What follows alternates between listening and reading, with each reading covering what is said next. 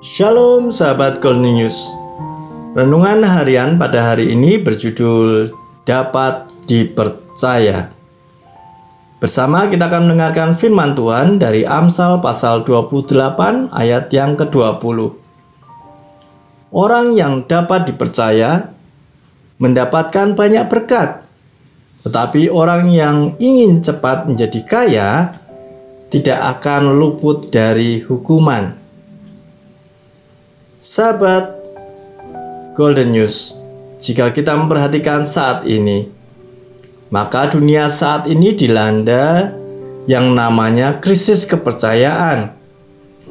Banyak orang-orang yang sudah tidak lagi mementingkan atau memegang teguh suatu kepercayaan.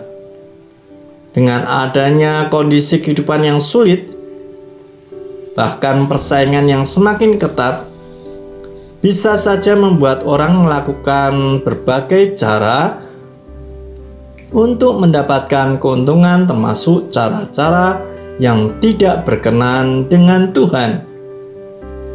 Banyak orang yang berpikir bahwa jujur itu sama dengan hancur, sehingga sering kali ada istilah sangat sulit menemukan orang yang jujur.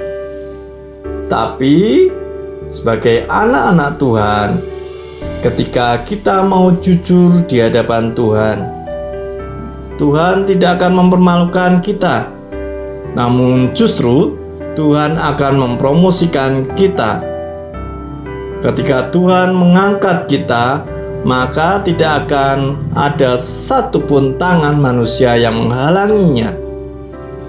Namun, yang menjadi bagian kita saat ini Berpeganglah kepada kebenaran, berlakulah dalam kejujuran.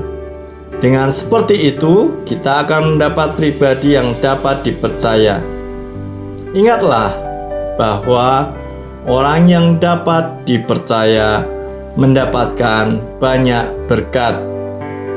Jadilah pribadi yang bisa dipercaya.